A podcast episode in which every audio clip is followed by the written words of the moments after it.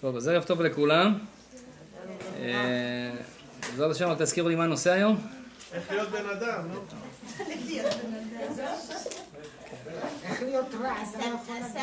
אז יפה, אז זה אומר שאף אחד פה לא לא בן אדם. אם באת ללמוד איך זה להיות בן אדם. יש לי ישר שאלה ב... ב- כן, אז מה הכוונה? אמרנו איך להיות בן אדם. כולנו בני אדם, קוראים לעצמנו בני אדם, אבל אה, לא תמיד אנחנו מתנהגים כמו בני אדם, בינינו. לפעמים אנחנו רואים שאנחנו קצת אה, דומים ל... יש כאלה דומים לחיות, יש כאלה דומים לדוממים, כל אחד ועניינו. בכל מקרה, לפעמים בן אדם צריך לדעת מה, מה זה בן אדם. מה הוא שונה מכל שאר האנשים, מכל שאר הדברים שיש בעולם, שהקדוש ברוך הוא קרא לנו נזר הבריאה, זאת אומרת, בשבילך בראתי את הכול, וחייב בן אדם להגיד בכל יום בבוקר, אני לא יודע אם אנחנו אומרים את זה, אבל כל יום אדם צריך לומר, בשבילי נברא כל העולם. זאת אומרת, כולכם פה, בשבילי. אדם צריך לדעת שבשבילו נברא העולם, גם את זה צריך להבין, מה זה בשבילי נברא העולם. זה גם בעזרת השם, אשתי ביקשה ממני לעשות אה, שיעור על אה, פעם אחת מתישהו, על צער בעלי חיים, בעניין של אה, צמחוניים וזה. אז בעזרת השם כשנגיע לזה, אבל אתה רואה שהאנשים האלה שלמשל יש להם, היום זה התפתח הרבה מאוד, כל האנשים שיש להם רחמנות גדולה מאוד על, על בעלי חיים, שאומרים לכאורה, מה ההבדל בין החיות לבינינו? שאנחנו לוקחים את האומץ לבוא ולהשתמש בהם, לרכב עליהם, נכון? מי הרשה לך בכלל? להרוג אותם, לאכול אותם, וגם ללבוש את האור שלהם על הגוף שלך. אז באמת זו שאלה בפני עצמה. בכל מקרה, אנחנו רואים שאנחנו איפשהו פה בטופ של העולם הזה, ואנחנו מחליטים את כל ההחלטות, ומן הסתם שהקדוש ברוך הוא שם אותנו שם. אבל, אם אנחנו כבר שמה, וקוראים לנו בני אדם, כי כולנו בני אדם הראשון, אז מה זה להיות בן אדם? אז היום אני רוצה לדבר על נקודה אחת, שזה בעצם מה שעושה את הבן אדם בן אדם. אם לבן אדם אין את הנקודה הזאת, מבחינה תורנית, הלכתית, רוחנית, הוא לא בן אדם. מה זה הנקודה הזאת? זה מה שנקרא הכרת הטוב. הכרת הטוב זה מידה, זה תכונה שיש לכל בן אדם, כל אחד מאיתנו נולד איתה, מהרגע שיצאת מהבטן של האימא, יש לך תחושה של הכרת הטוב. ראינו את זה עכשיו בפורים, במשלוח מנות. אמרתי לכם, מה המנהג של האנשים? אתה בא לבן אדם לתת לו משלוח מנות, מה ישר הוא עושה? חכה, חכה, חכה, חכה שנייה, יש לי גם משלוח מנות בשבילך. מה קרה?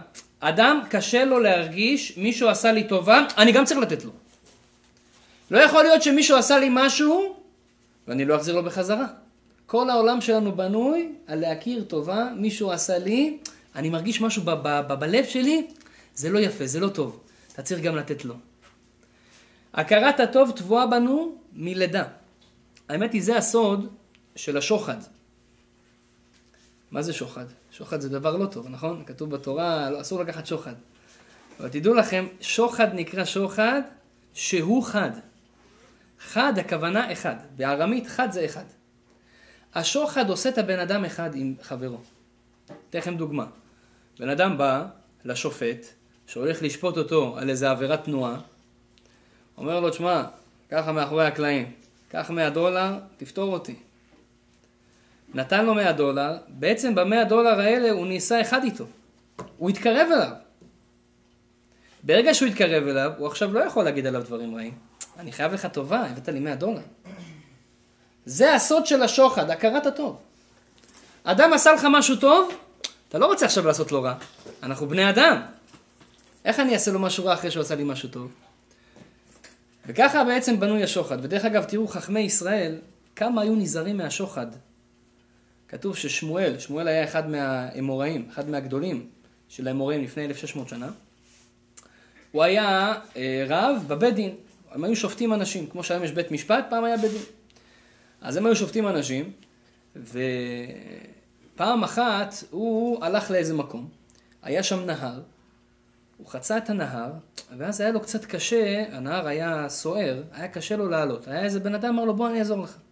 לקח את היד שלו, לקח גם את הדברים שהיה לו בידיים, עזר לו לעלות מהנהר. אחרי כמה שבועות, שמואל יושב בבית הדין, מגיעים שתי אנשים שיש להם איזשהו מחלוקת, בעיה, בביזנס, זה לקח מזה, והוא רואה שם את ההוא שעזר לו עם הנהר. אומר לו שמואל, אני מצטער, אני לא יכול לדון פה. קחו מישהו אחר שהוא יהיה הדיין. הוא אומר למה? הוא אומר אתה זוכר לפני כמה שבועות אתה עזרת לי? הלב שלי כבר מקושר אליך, אני חייב לך טובה. גם כשאני יודע את זה, אני אוטומטית אחפש צדדים לעשות אותך צודק. זה שוחד. מספרת הגמרא, היה עוד סיפור כזה, עם אחד שקראו לו הממר. אתם תראו בגמרא, יש כל מיני שמות כאלה יפה, מעניינים כאלה. הממר. אז הממר הזה, הוא היה רב גדול, ויום אחד, גם הוא קרא לו כזה מצב, שהוא ישב בבית הדין, בבית המשפט, והייתה לו נוצה על, ה... על החליפה, נוצה כזה.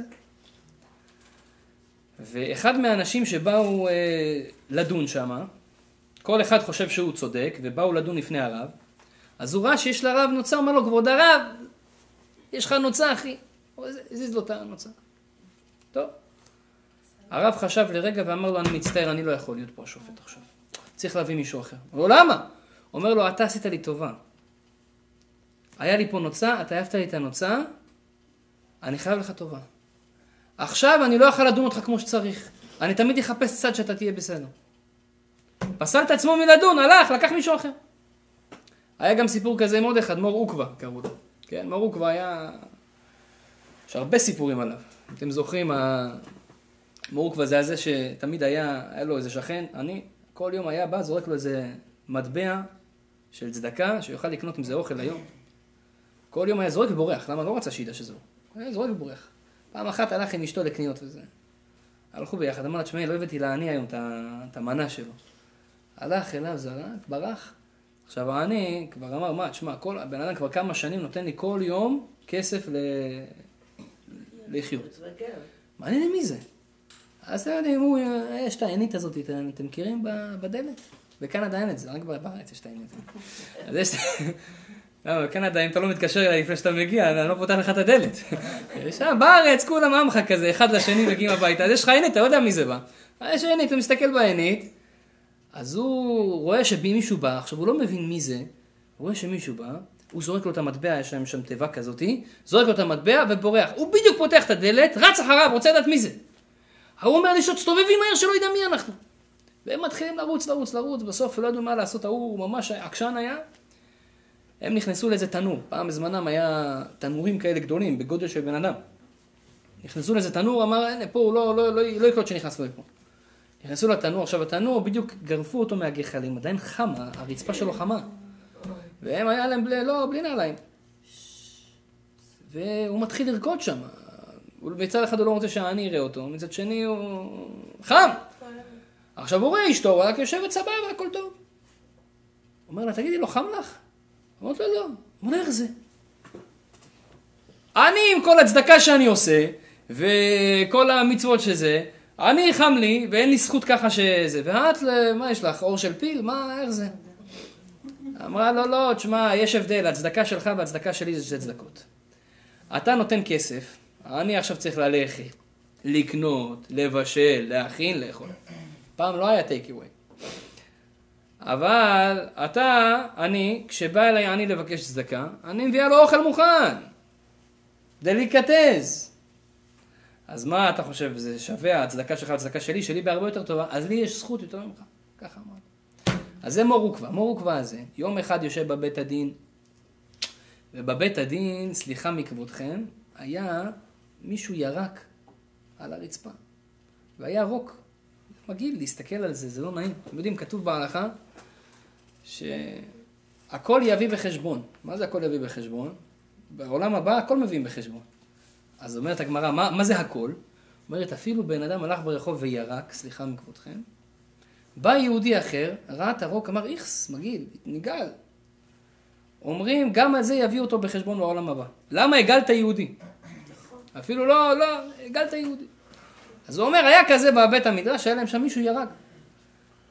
בא אחד מהאנשים שבבית משפט, באים לפני מור עוקווה, ואז הוא ראה שיש שם רוק, אמר לא, לא נעים, לא יפה, הלך, כיסה את הרוק עם איזה כלי, עם איזה נייר, כיסה את זה שלא יראו. מורו כבר קלט את זה, אמר, אני לא יכול לדון אתכם היום, עשית לי טובה. זה הגעיל אותי, אתה כיסית את זה בשבילי, עשית לי טובה. עד כדי כך תראו מה זה שוחד עושה את הבן אדם אחד. שמישהו עושה לך טובה, זה מקרב ביניכם. וזה דרך אגב גם הסוד, שבן אדם, לפעמים יש כאלה חבר'ה אומרים לך, שמע, אני כבר לא אוהב את אשתי, זה כבר לא כמו שהיה פעם. האהבה פרחה. איך עושים שהאהבה תחזור? אז אם אתם זוכרים, פעם אחת הבאתי לכם כמה סגולות כזה עם תפוחים וכל מיני דברים כאלה לכתוב. אבל זה משהו אחד. אבל הסגולה הכי טובה בבדוקה, להחזיר אהבה בין איש לאישה, או בין כל בן אדם בעולם. אתה רוצה שיאהב אותך?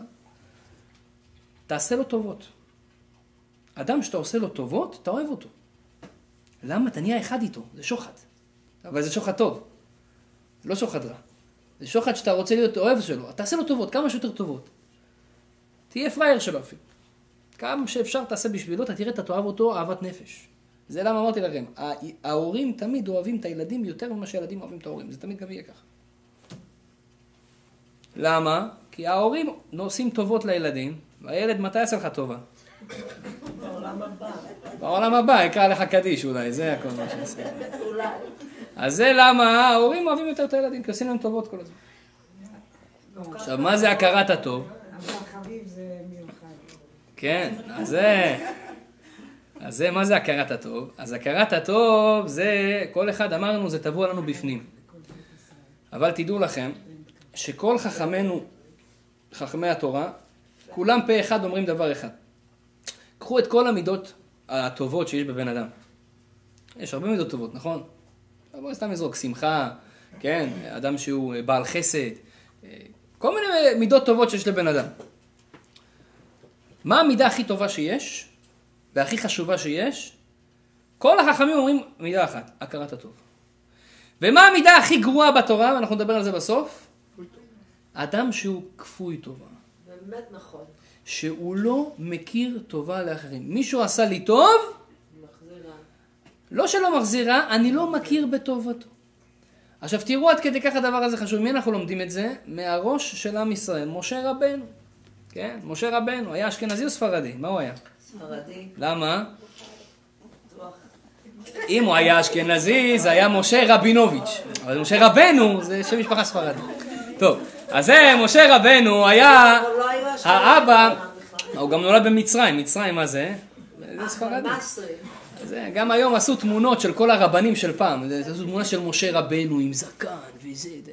בינינו, אל תגלו לאף אחד, אני יודע שאני מפוצץ לכם עכשיו את המשה רבנו שלכם, משה רבנו היה זקן. לא. הוא גם היה קרח. אז... טוב, למה? איך אני יודע? כי במדבר הקדוש ברוך הוא אמר, כל הלוויים צריכים לגלח את כל הזקן ואת ה... את הגבות ואת הזה. אז משה רבנו היה כזה, איך אומרים? אז אה, בואו בוא נפוצץ את המיתוסים ואת כל הסרטים שראינו בהוליווד. משה רבנו זה לא הזה עם הזקן, אוקיי? עכשיו, אולי זה אהרון. דרך אגב, יש מדרש שאומר שגם אהרון, הוא היה מקצץ את הזקן שלו. אבל את זה גם צריך לבדוק. בכל מקרה, אז משה רבנו, רבנו, אז משה רבנו, מה אנחנו לומדים ממנו? משה רבנו, זה היה הסמל של עם ישראל, ואצלו, תראו, כל החיים שלו מסובבים במידה הזאת שנקראת הכרת הטוב. אתן לכם דוגמה. משה רבנו כשנולד, הוא נולד פג. מתי נולד? בגיל שש חודשים. היה פג. ולמה הקדוש ברוך הוא אותו כל כך מוקדם? כדי שלא ישימו לב, כי רק בתחילת ההיריון וזה, פתאום נולד לילד, שלא יזרקו אותו ליאור. אז הוא נולד פג, ואימא שלו, ותצפנו שלושה ירחים, שלושה חודשים, הצליחה לשמור אותו בבית, שאף אחד לא יגלה. טוב. אחר כך היא החליטה, צריך לקרוא לו שם, יום השמיני ברית, נכון? אף על פי שלפג לא עושים ברית תמיד, צריך לראות שהוא בריא, אבל היא חיכתה, עשתה לו ברית. ביום של הברית כתוב חייב לקרוא שם. ודרך אגב, לא קוראים שם לפני הברית. יש כאלה טועים, יש כאלה כבר בחרו את השם 50 שנה לפני שהילד נולד. כן, יש, זה, כן. יש נשים כאלה, הן כבר בגיל חמש, הן כבר כותבות, לבן שלי יקראו ככה. יש להם את היומנים שלהם. אז זה... אז אפילו שאת יודעת איך קראו לבן שלך, אל תקראו לו עד שעושים לו ברית. למה? לא לשים את השם שלו כשהוא לא שלם. רק כשהילד שלם מבחינה רוחנית, נדביק לו את המזל שלו, שזה השם שלו. כי אם תדביק לו את השם שלו לפני שהוא שלם, המזל שלו לא טוב. וזה בא אצל בת. אה? אצל בת אין ברית, אז בסדר. היום המציאו בריתה, אני לא יודע מה זה בדיוק. לא חותכים שם שום דבר. בכל מקרה, הברית זה דבר חשוב, וצריכים לקרוא את השם. עכשיו, קראו למשה רבנו שם, איך קראו לו? משה? לא. הרי אנחנו כולנו מכירים את הסיפור, שמי קרא לו משה? בתיה. בתיה לקחה, משכה אותו מהמים, אמרה, איזה חמוד, וזה, יקראו לו משה. למה? כי מן המים משיתיהו, משיתיהו, ב- אה, ב- גם בעברית עכשיו, וגם במצרית, משה הכוונה למשוך. משה למשוך, משיתיהו מהמים. אז קרא לו משה. אז משה זה שם מצרי בכלל. מה, לא היה לו שם עד אז? הוא היה בן שלושה חודשים. יפה, אז הגמרא אומרת שאימא שלו קרא לו שם בברית, אף על פי שהוא היה נולד מהול, כן? משה רבנו נולד מהול. עם ברית. יש כאלה ילדים, זה סימן של ילד אגב. יש לו נשמה מיוחדת. אז משה רבנו נולד, נולד מהול, אז רק מקיזים קצת דם וקוראים לו שם. איזה שם קראו למשה? האמת היא, הגמרא אומרת, קראו לו שתי שמות. קראו לו יקותיאל, וקראו לו טוביה. אז זה היה השם של משה. עכשיו, זה היה השם שאימא שלו אורגינל נתנה לו. עכשיו מגיעה זאתי בת ים, מלכת מצרים, הבת של פרעה, מושכת אותו, פתאום הדביקה לו איזה שם מצרי כזה. ותראו, כל התורה, איך היא קוראת לו? יקותיה? משה, משה, משה, משה, משה. באים חכמים ואומרים, הלו, אבל זה לא השם שלו. איזה מצרית נתנה לו את השם, וזה מה שאתם כותבים בתורה? תכתבו יקותיה, תכתבו טוביה, מה הבעיה? אומרת התורה, הקדוש ברוך הוא רצה להכיר טובה לבתיה. בתיה, את הצלת אותו? את יכלת להגיד, אה, זה עוד יהודי? טק, מטביעה אותו במים. היא לקחה אותו הביתה, גידלה אותו, נתנה לו לאכול, עכשיו הוא לא רצה לאכול מגויה. למה הוא היה שומר חלב ישראל? אז מה? אז לא, זה אמיתי. אז הוא לא רצה, לא רצה לאכול מגויה. אז מה עשו? נתנו, אז היא עכשיו הביאה אותו למיינקות המצריות, כל אחת מנסה להעניק, משה רבנו לא יונק. הוא לא אוכל חלב ישראל, אה, חלב נוחי. אז לא אוכל. אז אמרה, מה עושים? באה מרים אחותו, אומרת לה, תשמעי, זה יהודי, הם לא, יש להם חלב מסוים וזה. טוב, תנסי, אני אביא לך מישהי, יש לה חלב, חבל על הזמן. השגחת הבד"ץ. אז זה, הביאו את אימא שלו, בכלל לא יודעת שזה אימא שלו. והוא העניק שלושה שנים, שלוש שנים, הבן אדם העניק מאימא שלו את החלב, לעשות. ועוד איפה? גם עוד שילמו לה. היא באה, שילמה לה כסף, יענו, שתעניק את הבן שלה. שתבינו איזה עולם הפוך, זה כשהקדוש ברוך הוא רוצה לעשות משהו, זה מה שהוא עושה. אז זה, הוא ינק ממנה, אחר כך, אומר, הקדוש ברוך הוא רצה להטות הכרת הטוב לבתיה. תראי איזה אישה. איזה, איזה, איזה, סליחה, תראו איך הקדוש ברוך הוא מוקיר טובה אפילו לאישה מצרית. היא גידלה אותו, היא נתנה לו, היא עשתה לו, היא שילמה בשביל שיניקו אותו. השם שאת קראת לו, זה יהיה השם שלו כל הזמן. זה השם שכולם יקראו לו, וזה השם שבעצם, זה הבן אדם הכי מפורסם בהיסטוריה, נכון? אמרתי לכם שפעם היה איזה מורה אחת, ברוסיה הקומוניסטית, לא, לא יודע אם זה היה ברוסיה, סליחה, באמריקה, קנדה, כן, במקומות הנוצריים. מורה נוצרית, שאמרה שמי שיגיד מי הבן אדם הכי, הכי אה, גדול בהיסטוריה, אני מביאה לו שטר של 100 דולר. כולם יושבים. המורה עם צלב ה... כן? אז כל אחד מצביע. אחד אומר אה, סטלין, אחד אומר, אני יודע, נבוכדנצר, כל מיני אנשים. ופתאום קופץ איזה רבינוביץ' אחד, כן, יהודי, משה, סליחה, קראו לו יוסי. אז יוסי, הוא מרים את היד, אני תמיד אומר יוסי, אז אני ממשיך עם זה. אז יוסי מרים את היד, אומר המורה, אני יודע מי זה היה האדם הכי חשוב בהיסטוריה. הכי גדול בהיסטוריה. מי זה היה? אומר לה, זה ישו. יויסי, אתה? כל הכבוד. קח את המאה דולר בבקשה. אבל אני תמהה עליך שאתה יהודי, ואתה אמרת דווקא אתה שישו. אומר, בינינו, כולנו יודעים שמשה רבנו היה הכי גדול בהיסטוריה, אבל ביזנס זה ביזנס, תשמע, אין מה לעשות. ככה. אז זהו. היה משה רבנו, אין, אין עליו. ומה קראו לו על שם המצרית הזאתי? הכרת הטוב. זה א'. עכשיו תראה, החיים של משה רבנו לא נגמרים. היה לו עוד סיפור עם... אה, הרי מה קרה לו? הוא הרג שם איזה מצרי. הוא ראה איש מצרי מכה איש עברי, וראה ויפן כה וכה, וירא כן איש, ויתמינהו בחול. הרג את המצרי הזה, שהוא הרביץ ליהודים. הוא ראה שהמצרי הזה רשע ולא טוב, והרג אותו. והחביא אותו, קבר אותו בחול. עכשיו, היה שם איזה שתי חבר'ה יהודים, דתן ואבירם, הלשינו עליו. הלשינו עליו לפרעה, רצו להרוג אותו. הוא ברח למדיין. היה שם 40 שנה, במדיין. במדיין היה את אה, יתרו, היה לו בת ציפורה, ברוך השם, נתן לו לאכול, לשתות, הכל, נתן לו להיות רועה צאן שם, עבד אצלו, נתן לו את ציפורה ביתו לאישה, חי אצל יתרו 40 שנה. פתאום הקדוש ברוך הוא בא אליו יום אחד, אתם מכירים הסיפור עם הכבשה, ברחה, הלך, ראה את הסנה בוער, איך הוא בוער וזה, הקדוש ברוך הוא בא, אומר לו, משה, משה, לך, תוציא את עם ישראל ממצרים. משה אומר לו, מחילה כבוד הקדוש ברוך הוא, אני לא יכול. לא. מה זה לא יכול? אתם יכולים להגיד לקדוש ברוך הוא, אני לא יכול? מה זה החוצפה הזאת? טוב, משה רבנו אומר, אני לא יכול. למה אתה לא יכול? אומר המדרש, אומר לו, תשמע, יתרו החכם שלי, הוא גידל אותי פה, עזר לי, נתן לי, עשה בשבילי, הוא רוצה לראות את הנכדים. אני חייב לשאול אותו לפני כן, אני לא יכול ככה סתם ללכת. זה לא יפה. שואל הרב חיים שמואלביץ, אומר, תגיד לי, משה רבנו מדבר ככה לקדוש ברוך הוא? הרי מי יותר חשוב, יתרו או הקדוש ברוך הוא? ודאי שהקדוש ברוך הוא. הוא מבקש ממך, לך תוציא את עם ישראל. אתה אומר לו, לא, יתרו, אבל הוא הצטער. לא נעים לי ממנו, הוא עשה לי כל כך הרבה. מה זה? אז הוא אומר, לא. זה מה שהקדוש ברוך הוא רצה לראות במשה רבנו. זה מה שהוא רצה לשמוע. משה רבנו, נכון שאני, הקדוש ברוך הוא אומר לך, תלך. אבל יש לך הכרת הטוב? תראו מה זה. הוא אומר להשם, ריבונו של עולם, אני לא יכול, אני מכיר טובה ליתרו, אני חייב לשאול אותו. אני לא יכול לעזוב אותו, לצייר אותו, הרי הוא עשה לי טובה בחיים גדולה. אני לא יכול לצייר אותו. זה משה רבנו, וזה למה הוא נהיה מנהיג. הקדוש ברוך הוא אומר לו, אותך אני אוהב. כי אתה, יש לך מידה שאתה יודע להכיר טובה לבני אדם. זה משה רבנו.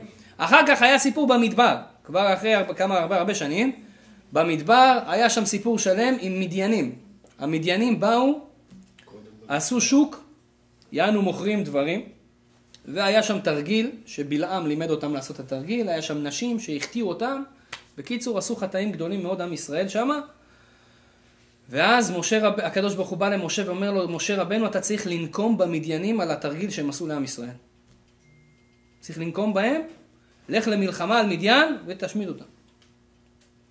משה רבנו קורא לכמה אנשים, אומר להם חבר'ה, לכו למלחמה על מדיין. הקדוש ברוך הוא אמר לך ללכת. למה אתה שולח אחרים? אומר לך, אז תלך אתה, למה אתה שולח אחרים? ואתה יושב בבית. אומרים, אני אומר משה רבנו לקדוש ברוך הוא, ריבונו של עולם, אני חייתי במדיין 40 שנה. האנשים האלה עזרו לי, נתנו לי, עשו משהו בשבילי. איך אני, אפילו שאני, נכון שמגיע להם עכשיו, אני לא יכול. זה, זה מקום שאני שתיתי ממנו, אני לא אזרוק שם אבן. והוא נשאר בבית. וזה הכרת הטוב. הקדוש ברוך הוא הסכים איתו. זה מידת הכרת הטוב. עכשיו, משה רבנו, גם היאור. זהו, זה, זה שאנחנו נראה אחר כך, אבל תראו כמה, כמה הדבר הזה של הכרת הטוב נמצא אצל מי? אצל המנהיג הכי גדול בעם ישראל, שממנו אנחנו צריכים ללמוד. מה היה המידה הכי חשובה שלו? היה מוקיר טובה. עוד מלמדים חכמים על יוסף. יוסף הצדיק. יוסף הצדיק, מה היה איתו? הוא ילד בן 17, יורד למצרים, כל הסיפור שם, שמים אותו אצל איזה אחד, פוטיפרה. שר הטבחים, היה איזה מיניסטר שם. יש לו אישה יפה וזה, בקיצור היא שמה עין על יוסף, שנה שלמה מנסה לפתות אותו, שנה. כל יום כותב המדרש, הייתה מחליפה בגדים, מה שאתם לא רוצים הייתה עושה. ויוסף הצדיק הזה, ילד צעיר, ברוך השם, התגבר, עד שהיה את אותו יום שהם כולם הלכו למסיבה שלהם, היא אמרה אני חולה, נשארה בבית, אמרה זהו עכשיו אני תופסת את יוסף הזה, נגמר הסיפור שלו. ומפתה אותו עד כדי כך, כתוב ותתפסהו בבגדו. ו... וינוס החוצה, השאיר את הבגד אצלה, וברח החוצה, ואז הם כולם חוזרים, בעלה וזה, והיא מתחילה לספר עליו שקרים, הוא מנסה לפתות אותי, וזה, תראו, הבגדים שלי אצלו, היא גם שמה שם איזשהו כתם שיחשבו כביכול אה, אה, אה, עשה איזשהו מעשה לא טוב. בקיצור, בלאגן שלם. לוקחים אותו לבית המשפט. הם בודקים שם את כל הראיות, כל העניינים, הם קולטים שיוסף צדיק. הכהנים של מצרים, אלה שבבית המשפט, קראו להם כהנים, כהני מצרים. בדקו יוסף בסדר, יוסף צדיק. אבל מה, היו חייבים להכניס אותו לכלא, כי זה לא כבוד. אם עכשיו יגידו לכולם שהוא צדיק, אז אשתו של השר, כאילו היא לא בסדר, אוי ואבוי. אז ביניהם הם ידעו שיוסף צדיק, אמרו לו, אוקיי, בסדר, לא נהרוג אותך, רק נכניס אותך לבית סוהר. הכניס אותו לבית סוהר. אבל הם הודו שהוא בסדר. הודו על האמת. אחרי כמה שנים, מכל הסיפור אנחנו מכירים, יוסף יוצא מהבית סוהר, נהיה השני למצ... למלך מצרים. היה תקופה מאוד של אה, אה, שובע אה, במצרים, שבע שנים של שובע, אחר כך שבע שנים של רעב, אבל יוסף צבר את כל האוכל, הוא עשה, כן, בחוכמה, וכל האנשים מסביב היו באים למצרים בשביל לקבל אוכל מיוסף. כל האנשים במצרים היו עניים, לא היה להם כבר מה לאכול, כולם היו באים ליוסף. יוסף אומר, אתם רוצים? אין בעיה, תמכרו את, ה, את החפצים שלכם. תביאו כסף. נגמר להם הכסף, מוכרים את החפצים. נגמר להם החפצים, מוכרים את הבהמות, את הסוסים, את ה... הכל. נגמר להם גם זה, רוצים אוכל, כל מצרים מכרו את כל האדמות שלהם לפרעה וליוסף. היה לו מונופול על כל מצרים. חוץ ממה, הפסוק אומר, ואדמת הכהנים לא לקח. לכהנים, אלה שהשופטים, לכולם נתן להם אוכל ולא לקח את האדמות שלהם. בחינם. אומרים חכמים, למה יוסף עשה את זה? יוסף זכר שכשקרא את כל הסיפור עם אשת פוטיפר, הכהנים, הם לא שיקרו, הם אמרו את האמת והם הוציאו אותו זכאי. לא הרגו אותו, רק שמו אותו בבית סוהר, בשביל שלא יצא שם רע על אשתו של פוטיפרה. אני חייב להם טובה. אני לא אמכור להם את האדמות. יש לו הכרת הטוב, רבותיי. זה היהודים, שהנקודה הכי חשובה אצלנו בנפש, עניין של הכרת הטוב. אז זה אנחנו לומדים מיוסף. האמת היא שגם בדורנו אנו, היה את הרב שך, לא יודע אם הכרתם אותו, הוא היה ראש ישיבת פונוביץ', אחד מגדולי ישראל של העולם האשכנזי יותר, הוא היה גדול הדור האשכנזי. נפטר בערך לפני איזה כמעט 20 שנה, 15 שנה. הרב שך, כשהוא היה תלמיד ישיבה בסלוצק, במקום שהוא למד בישיבה, לא היה לו כסף, הוא היה אדם עני מאוד. היה לו חולצה אחת שהוא היה מחליף אותה, כאילו, חולצה אחת בסך הכל, והוא היה מכבס אותה פעם בשבוע. ולמד ככה במסירות נפש. עכשיו, כשהרב שך נהיה רב שך, ונהיה רב של ישיבת פונוביץ', שיש שם איזה חמשת אלפים אנשים שלומדים, יום אחד היה שם איזה תלמיד, והתלמיד הזה, הרב שך קרא לגבאי, ואמר לו, תשמע, אתה רואה את הילד הזה פה, הבחור הצעיר הזה? אני רוצה שתזכיר מלמד מקצועי, שילמד אותו בוקר ובערב, דברים כאלה וכאלה, כדי שהוא יהיה בן אדם גדול. אומר לו, אבל זה עולה כסף ככה, מישהו פרטי. אומר לו, כל ראש חודש תבוא אליי, אני אשלם. שואל אותו הגבאי, הרב, למה דווקא הבן אדם הזה, מה הוא, הוא קרוב משפחה או משהו שאתה... אז אמר לו, לא. אמר לו, תשמע, אני כשהייתי בחור ישיבה, כמו שאמרתי לכם, היה לו חולצה אחת בסך הכל. היה קר מאוד באירופה. הוא היה מכבס אותה פעם בשבוע. כשהוא היה מכבס את החולצה, הוא היה בלי חולצה, היה לו קר. בבית היה קר, לא היה מזגנים. אז הוא אומר, הייתי כופה מקורת שהחולצה תתייבש. כי לא היה לי עוד חולצה. וקרה פעם אחת שנהיה לי חור בחולצה בגב, והתביישתי להסתובב ואין לי חולצה אחרת. הוא התבייש להסתובב ככה. אז מה הוא היה עושה? הוא אומר, הייתי הולך כל יום בבוקר, הראשון לבית המדרש, והייתי יושב קרוב לקיר, וכל היום הייתי עם הגב אל הקיר לומד, עד שכולם יוצאים מבית המדרש. לומד, מתפלל עם הגב לקיר. שאף אחד לא יראה את, ה... את החור הזה שיש לי בגב. וככה הוא עשה כמה שנים. הרבה זמן. עד שאיזו אישה אחת שמעה את הבעיה, את הצער שלו, את הבעיה שאין לו כסף וזה. איכשהו זה עבר מבן אדם לבן אדם, ואיזו אישה אחת שלחה לו שתי חולצות. הוא אומר, אתם לא מבינים, אני, הוא אומר, הרגשתי שזכיתי בלוטו. מה זה שתי חולצות? שתיים!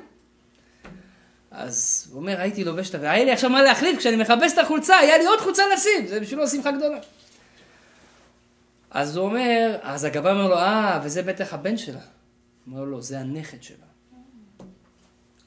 הוא שילם מכספו לנכד שלה, שיהיה לו מורה פרטי שיצליח בכל הדברים שלו, על השתי חולצות. הכרת הטוב, בלי שאף אחד צריך לדעת מזה. זה תכונה של יהודי. היה את המהרשע, המהרשע, רבי שמואל אידליס. אידליש, אידליס, כל אחד אומר את זה אחרת. זה, אומר לכם, זה צדיק. כל מקום בתלמוד, אין, אין תלמוד שהפירוש שלו לא מופיע שם. אדם עצום ענק שבענקים, צדיק גדול מאוד. רבי, רבי, רבי שמואל אידליס, המהרשע קוראים לו. הוא מסכן, ש... שהיה צעיר, אימא ואבא שלו נפטרו ממש כשהוא היה תינוק, והוא היה יתום. אז היה איזה אופה אחד שהיה לו מאפייה, שאמר, טוב, אני אקח אותו, אני אאמץ אותו. אז הוא ואשתו אימצו אותו, וגידלו אותו. וכשהוא גדל, היה להם בת.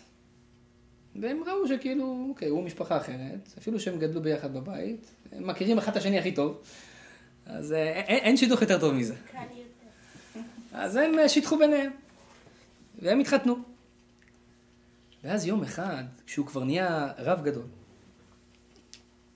הוא אומר, אני, תשמעי, אני מרגיש שאני רוצה לעשות מתנה לאימא שלך.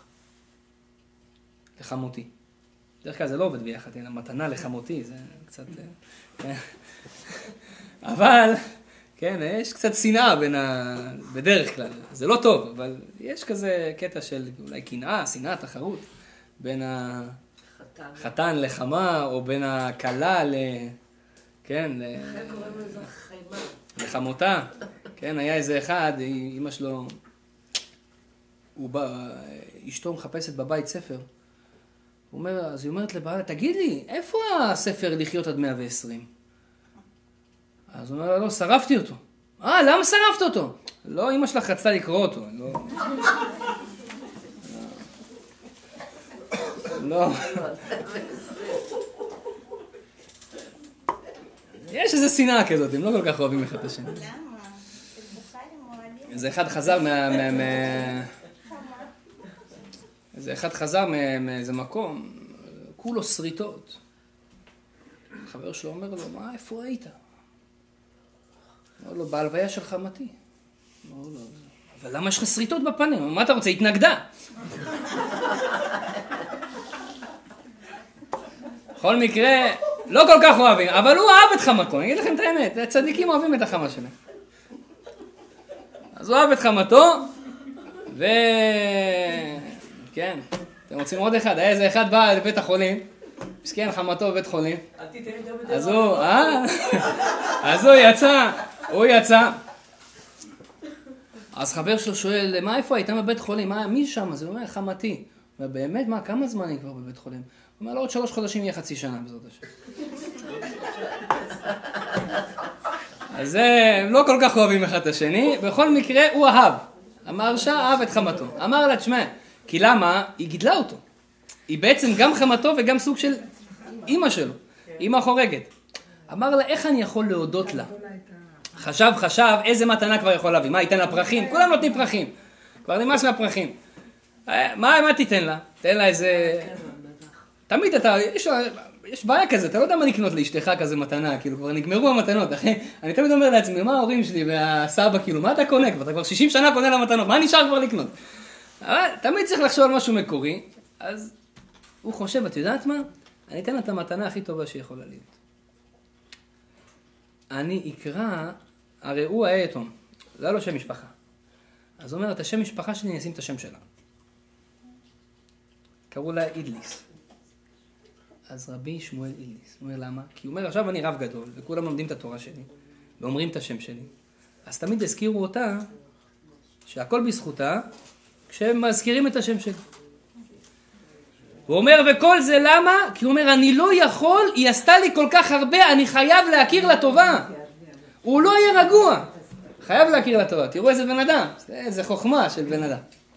אז זה הכרת הטוב רבותיי. זה האמת היא הכרת הטוב לא רק לבני אדם. אנחנו רואים בתורה, צריך להכיר טובה גם לחיות. מה, אני צריך להכיר טובה לכלב שלי? תעשה טובה. אלא, כן. מכירים טובה גם לחיות. איך זה? תראה סיפור בתורה, סיפור מפורסם, הנה עוד מעט פסח, ביציאת מצרים, כשעם ישראל יצאו ממצרים, מצרים הייתה עיר, ארץ, שעבד לא יכל לברוח משם. כי מצרים היה לה חומה, והיה שם שערים. וכל שער, אולי פעם דיברתי איתכם על זה, היה לו, השער היה בצורה של איזושהי חיה, כן? חמור, צפרדע, אריה. וכל חיה, כל שער היה מחושף, שברגע שיוצא משם בן אדם, שהוא עבד כביכול של מצרים, אותה חיה שמצוירת על אותו שער שהוא יצא משם, כל אותן חיות שבמצרים מתחילות לצעוק. אם הוא יצא מהשער של הכלבים, כל הכלבים מתחילים לצעוק, ישר באים לשם שומרים, תופסים אותו. לא יכול לברוח אף אחד ממצרים. זה היה כישוף כזה. אז uh, מאיפה יצאו עם ישראל כשהם יצאו ממצרים? מהשער של הכלב. משם הם יצאו. זה היה בלילה, כי זה מאוחר. והם יצאו ככה באי-חבה. אז כשהם יצאו, כתוב שם שהכלבים היו צריכים לצעוק באותו לילה. אבל הכלבים החליטו, עם ישראל יוצאים, בואו נפרגן להם. מסכנים עבדו כל כך הרבה שנים, הם שתקו, לא צעקו בכלל. כתוב, ולכל בני ישראל לא יחרץ כלב לשונו. לא אמרו שום דבר. דרך אגב, זו סגולה, כן? מי שרוצה להינצל מכלבים, הרבה אנשים שואלים אותי, שזה כלב, זה מפחיד אותי, וזה, מה אני אעשה? שילך ממני, שלא ינבח עליי, שלא זה. ראיתי סגולה מאוד מעניין, אדם ייקח את האגודה לימין שלו, ישים בתוך האצבע, בתוך היד, אגודה לשמאל בתוך היד השנייה, ויגיד, ולכל בני ישראל לא יחרץ כלב לשונו. אתה תראה, הוא ילך. אני פעם אחת עשיתי את זה, זה עבד. אה? לכל בני ישראל מה? ולכל בני ישראל לא יחרץ כלב לשונו. זה פסוק בתורה, תסתכלו שם. אז זה, הכלבים שתקו, הקדוש ברוך הוא אמר, אתם שתקתם? אני צריך להכיר לכם טובה. עם ישראל צריך להכיר לכם טובה על זה שאתם שתקתם. אתם לא הייתם צריכים לשתוק, הייתם צריכים לצעוק ואז היה בלאגן. הם שתקו, איזה טובה הכירו להם? תראו בתורה כתוב שאם אתה עושה שחיטה, בוא נגיד אתה רוצה לאכול, אה, עושה שחיטה לכבש, לעגל, ויוצא טרף, לא כשר, בדקת את הריאות, יש חור בריאה, או שהשחיטה לא יצאה טוב, טרף. אז מה עושים? אומרת, טרפה בשדה, לכלב תשליכון אותו. של מי האוכל הזה? בוא נגיד יש לך הרבה חיות בבית וזה, אתה לא נותן את זה לאף אחד. זה זכות של הכלב. תן לו שיתפנק. למה דווקא הכלב? וואלכ, בא לי לתת לחתול. למה אני חייב לתת לכלב? הקדוש ברוך הוא אמר, עם ישראל, אתם חייבים לכלב טובה. הכלב לא צעק כשיצאתם ממצרים, כל טרפה שיהיה לכם, תנו לכלב. כן, ככה. זה הלכה. אתה רואה, אפילו לחיות, צריך להכיר טובה. יש מצווה בתורה, כתוב, לא תחסום שור בדישו. יש מצווה כזאת, אחד מ-613 מצוות, לא תחסום שור בדישו. מה זה לא תחסום שור בדישו? פעם היו עובדים בשדה, אז כל אחד היה לו שור, חמור, שהיו עובדים. אז השור, בזמן שהוא עובד, חורש לך את השדה, לפעמים הוא רעב. נכון, מצוי, לפעמים אתה בעבודה, פתאום אתה רעב. אתה רוצה לאכול משהו. עכשיו, השור הכי קשה לו, למה? הוא בשדה. יש ענבים פה, יש קלמנטינות שם, יש תמרים, כל מיני דברים. הוא רואה את זה והוא עובד מסכן, הוא בא לו. איך אומרים? קשה. אז אומרת ההלכה, אסור לך לשים לשור אה, זמם כזה ככה, שלא יאכל. תגיד, מה זה, זה עכשיו יתחיל לאכול לי כל היום? לא יעבוד. לפי ההלכה היהודית, אסור לך לשים לו את זה, שיאכל מה בא לו. הוא עובד אצלך, אל תחסום אותו, אל תחסום שור בדישו, תן לו לאכול. אומרים למה? מה הסיבה של ההלכה הזאת? הוא אומר, הכרת הטוב. השור הזה אתה משתמש בו. בשביל לעשות כסף, שיחוש לך בשדה, שתוכל לזרוע זרעים וכל מיני זה. לא תכיר אותו, בוא לתת לו לאכול כמה שהוא רוצה. תהיה בן אדם. זה מה שנקרא בן אדם. אפילו ליד לחיות. החיה הזאת עשתה לי משהו טוב, אני לא יכול לעבור על זה בשתיקה, אני חייב להחזיר לחיה הזאת. אבל אין לה שכל, היא אפילו לא מתכוונת. לכי מה אתה חושב שהשור בבוקר הוא קם ואומר, היום אני הולך לעזור לאדון שלי, אני הולך לשמח אותו, וואו. נראה לך שאומר את זה? הכלב שקם בבוקר אומר, מה אני הולך לשמח את האדון שלי? לא. אבל אפילו שהוא לא התכוון לזה, זה התוצאה, הוא עשה לך משהו טוב, זה לא יעבור בשתיקה, אתה חייב לעשות לו גם. אתה חייב להחזיר לכלב, לשור, לכל חיה. ולא רק לחיות, גם לדומם. טוב, עכשיו הגזמת, כבודה. נכון. מה, על השולחן אני צריך להחזיר לו טובה? זה השולחן שלי, אני מבקש סליחה, אני כל פעם מכיר אותו ככה, אני עושה ככה. בכל מקרה, מה הקטע של השולחן? למה אני צריך להחזיר לו טובה? אז הוא אומר לך, קודם כל אנחנו לומדים מזה ממשה רבנו. משה רבנו, הקדוש ברוך הוא אמר לו, לך ל... לפרעה, תן לו עשר מכות, כן? בפסח אנחנו אומרים את העשר מכות, נכון? אנחנו לוקחים את היין, שופכים דם, צפרדע, קינים, כן? בסוף מה אנחנו אומרים? דצח, הדש, בא אחר. מה זה דש, בא מה זה זה? זה הראשי תיבות של דם, צפרדע, קינים, הרוב תיבות זה הראשי תיבות. אז איך קוראים לזה בתורה? סימנים. זה הסימנים של המכות. אז אה, אנחנו אומרים את זה בהגדה של פסח, הנה זה קצת הכנה לפסח. אז כתוב, רבי יהודה היה נותן בהם סימנים, דצח, עדש, באחר. למכות היה נותן איזה סימן, ראשי תיבות. אז אה, פעם מישהו שאל אותי, אמר לי, אה, אה, למה צריך לתת סימנים למכות? אז איזה מרוקאי אחד בא, אמרתי מכות בלי סימנים זה לא שווה. אז אמרתי יפה. בכל מקרה. סתם, סתם, למרוקאים אני אומר. כל הכבוד. אז זה, מה זה מכות בלי סימנים? בכל מקרה, אז אמר לו, לך תביא ל... ל- איך קוראים לו? לפרעה, עשר מכות, דם, צפרדע, קינים. טוב, הלך. אומר לו, המכה הראשונה, מכת דם. מסביר לו הקדוש ברוך הוא למשה, משה, קח את המכה, כן? תן את זה ביור, ככה תן לו איזה בומבה כזה קטנה לים, תראה, הכל נהיה דם. עכשיו, מאוד מעניין, הכל הוא אומר למשה לעשות, כל המכות, וידבר השם אל משה, תעשה כך וכך. פתאום במכה הראשונה מכת דם, הקדוש ברוך הוא אומר, וידבר השם אל משה, דבר אל אהרון, ותגיד לו שייקח את המטה ויעשה דם. וכל החכמים שואלים, וכי משה רבנו לא יכול לקחת את המטה ולעשות את זה? למה משה צריך להגיד לאהרון שיעשה? אומרים לו, כי משה, היאור הזה, הציל את החיים שלו. אמא שלו שמה אותו ביאור, כן, שר לו שירים, והיאור הזה הציל אותו. איך אתה תרביץ ליאור שהציל אותך? איפה הכרת הטוב? הקדוש ברוך הוא אומר לו, אתה לא מכה. אחר כך, תגיד, אולי זו טעות שם, לא? מכת צפרדע. איך עשו מכת צפרדע? אותו טריק. אומר לו, קח את המטה, תכה על היאור, ויצאו צפרדעים. עוד פעם, וידבר השם אל משה, דבר אל אהרון, שהוא יוציא את הצפרדעים. למה? אותו כלל. אתה לא יכול להכות במקום שנתן לך חיים. אחר כך, אומר למשה לעשות את כל הזה, פתאום יש מכת קינים. מכת קינים, אומר לו, אתה תכה בחול, ותפזר אותו. אבל זה גם הוא אומר לאהרון. החכמים לא מבינים, כל המכות עשה משה רבנו, רק השלוש אלה, גם זה אהרון. למה חול אהרון? אומר משה רבנו, אתה זוכר שאתה הרגת את המצרי הזה ולא היה לך איפה להחביא אותו. אמרת, אה, נחביא אותו בחול. החול עזר לך? איך תרביץ לו? אבל מה זה דומם? אפילו לדומם צריך להחזיר טובה. דבר שעשה לך טוב, אפילו הוא לא זז.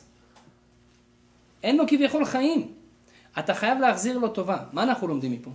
דבר גדול מאוד. בינינו עכשיו. היאור התכוון לעזור למשה רבנו? היאור קם בבוקר ואמר, היום אני הולך להציל את משה רבנו, חבר'ה, תכוננו. הוא אמר את זה? הוא לא אמר את זה. עשה את זה כי עשה את זה, מה, מה אתה רוצה? שמו אותו שם, הוא הציל אותו. היאור לא התכוון לעשות לו טובה בכלל. אפילו שהיאור לא התכוון לעשות לו טובה, עדיין משה רבנו מחזיר לו טובה. אומרים חכמים לומדים מכאן, יש אנשים שעושים לך טובה, אבל לא רוצים לעשות לך טובה. אבל בסוף יצא לך טובה מזה. הרבה פעמים זה קורה. הוא רצה לעשות משהו אחר, בסוף אתה, איך אומרים, הרווחת על זה. על הגל תפסת על זה משהו. אומר, אומרת התורה, אתה חייב להחזיר לו טובה. אומר, למה? אבל הוא לא התכוון לעשות לי טובה. עדיין, יצא לך שקיבלת טובה ממנו, תחזיר לו טובה, אפילו בלי כוונה. עד כדי כך, העניין הזה של הכרת הטוב הולך רחוק. אפילו בן אדם לא התכוון לעשות לך טובה. הוא אפילו רצה לעשות לך רע. ובסוף יצא טוב. בגלל שבסוף יצא טוב, אתה צריך להחזיר לו טוב. ועד לשם הולכת עניין של הכרת הטוב. וזה מה שנקרא, רבותיי, להיות בן אדם. מה זה להיות בן אדם? הקדוש ברוך הוא אומר, בן אדם זה רק אדם? מה, זה, מה, מה ההבדל בין אדם לחיה? חיה אין לה את העניין הזה של הכרת הטוב. היא, לא, היא לא מבדילה את העניין הזה של, אה, הכלב הזה עשה לי טוב היום, מחר אני גם אחזיר לו. אין להם את זה. בן אדם, יש לו עניין הזה של הכרת הטוב. למה בן אדם צריך שיהיה לו הכרת הטוב? מה כל כך חשוב בהכרת הטוב? אומרת התורה, כל הכופר בטובתו של אדם, של חברו, סופו שכופר בטובתו של מקום. מי שלא מכיר טובה לחבר שלו, בסופו של דבר, אתה גם לא תכיר טובה לקדוש ברוך מה הכוונה? מזה שאתה לומד להכיר טובה לבן אדם, אז אתה מאמן את עצמך בדבר הכי חשוב בחיים, שזה להכיר טובה להשם. השם ברא אותנו בעולם הזה, נתן לנו הכל. ומה הכי חשוב? מה זה בן אדם שיודע להכיר טובה? תודה רבה, ריבונו של עולם. אני רוצה להחזיר לך, אף על פי שאני לא יכול להחזיר לך, כי כל מה שנתת לי אני לא יכול להחזיר לך. אני לא יכול אפילו להתחיל להשוות לעומת מה שאתה נתת לי, להתחיל להחזיר לך. אבל אדם צריך להגיע לרמה הזאת, וזה התכלית של הבן אדם בעולם. להגיע לרמה של להבין של ריבונו של עולם אתה נתת לי, אני לא יכול לשתוק על זה. אני חייב להחזיר לך ולהודות לך על זה. אדם שלא יכול להחזיר לחבר שלו, שהוא כופר בטובתו של חברו. מה זה כופר בטובתו של חברו? מישהו עשה לך טוב, שכחת ממנו. כמו מי? כמו נבל הכרמלי. למדנו מי שהיה אצלי בבית הכנסת בשבת, אנחנו לומדים ספר שמואל. דוד המלך, היה איזה אחד שקראו לו נבל. כשמו כן הוא. נבל. עכשיו הנבל הזה, הוא פעם אחת את דוד המלך עזר לו. כשהיה צעיר, שמר לו על הצאן, כמה ימים, עזר לו, עשה לו עבודה בחינם. לימים שאול המלך רדף אחרי דוד, דוד היה במצב מאוד מאוד קשה, היה, לא היה לו אוכל, לא היה לו, כל החבר'ה שלו הם היו במצב כלכלי מאוד קשה, ברחו משאול, לא היו בבית שלהם, והם שמעו שהוא עושה פארטי, מסיבה, גזז את הצאן, היה לו צאן, הם היו עושים, אה, אתה יודע, הכבשים חם להם בקיץ, אז היו נותנים להם אה, תספורת, מורידים להם את כל הטלטלים. אז, אה, וזה היה מסיבה, כי נותנים חלק לכהן ועושים מזה בגדים. עשה מסיבה גדולה, נתן ל... לאנשים לאכול, לשתות, הזמין את כל החברים שלו. דוד המלך שולח איזה עשר חבר'ה אליו, אומרים לו, תשמע, אתה זוכר את דוד שעזר לך והכל? הוא עכשיו במצב לא טוב, אתה עכשיו, ב... אתה עשיר, היה עשיר גדול, אתה עכשיו בזמן של מסיבה וזה, תן לנו גם קצת, אנחנו צריכים עזרה כלכלית. בא נבל אומר, מי דוד ומי בן ישי, לא מכיר אותו, לא זוכר אותו. כתוב בגמרא שאחרי עשר ימים הוא מת. למה? אומרת הגמרא שכל הכופר בטובתו של חברו, או בטובתו של הקדוש ברוך הוא, נפרעים ממנו במהרה. מה הכוונה? הרבה דברים שאנחנו עושים בחיים, אתה לא מקבל את העונש במקום. הרי אם היינו מקבלים את העונש במקום, כולנו היינו צדיקים וחסידים, כל אחד היה בבא סאלי פה עכשיו. כן? תאר לך היית אוכל משהו לא כשר, היה יורד פטיש מהשמיים, בום, נותן לך בראש, מי אוכל לא כשר? אף אחד, נכון? אבל מה? אתה אוכל משהו לא כשר, אתה אומר, וואלה, זה גם טעים וגם לא קרה כלום. נכון? יפה, אז ממשיכים. עכשיו, בדרך כלל, אדם שעושה איזושהי עבירה, בשמיים מאוד מאופקים. זאת אומרת, לא נותנים לו בראש ישר. רק אולי יתקן, זה, בסוף הוא יקבל. אחרי כמה זמן. אבל יש דברים שמקבלים עליהם עונש על המקום, במהרה.